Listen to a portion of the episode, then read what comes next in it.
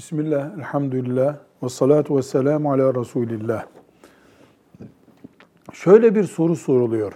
Neden Allahu Teala cennette erkeklere huriler, yani bayan cinsini yansıtan huriler veriyor da işte erkekler böylece hep taltif görmüş oluyor. Kadınlara neden böyle şeyler vaat edilmiyor? Bu soruyu soran için değil ama soru mantığı için bir tereddüdümüz söz konusudur. Bu bir şeytan tuzağı olabilir. Cennete girmek garanti de ortada bir sorun, kadınlara haksızlık yapılıp yapılmadığı mı kalmış? Bu birinci cevap bekleyen soru.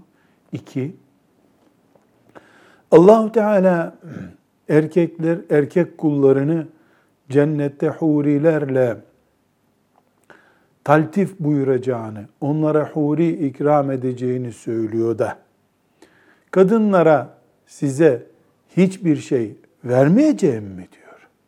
Siz cennete girdiğinize şükredin mi diyor.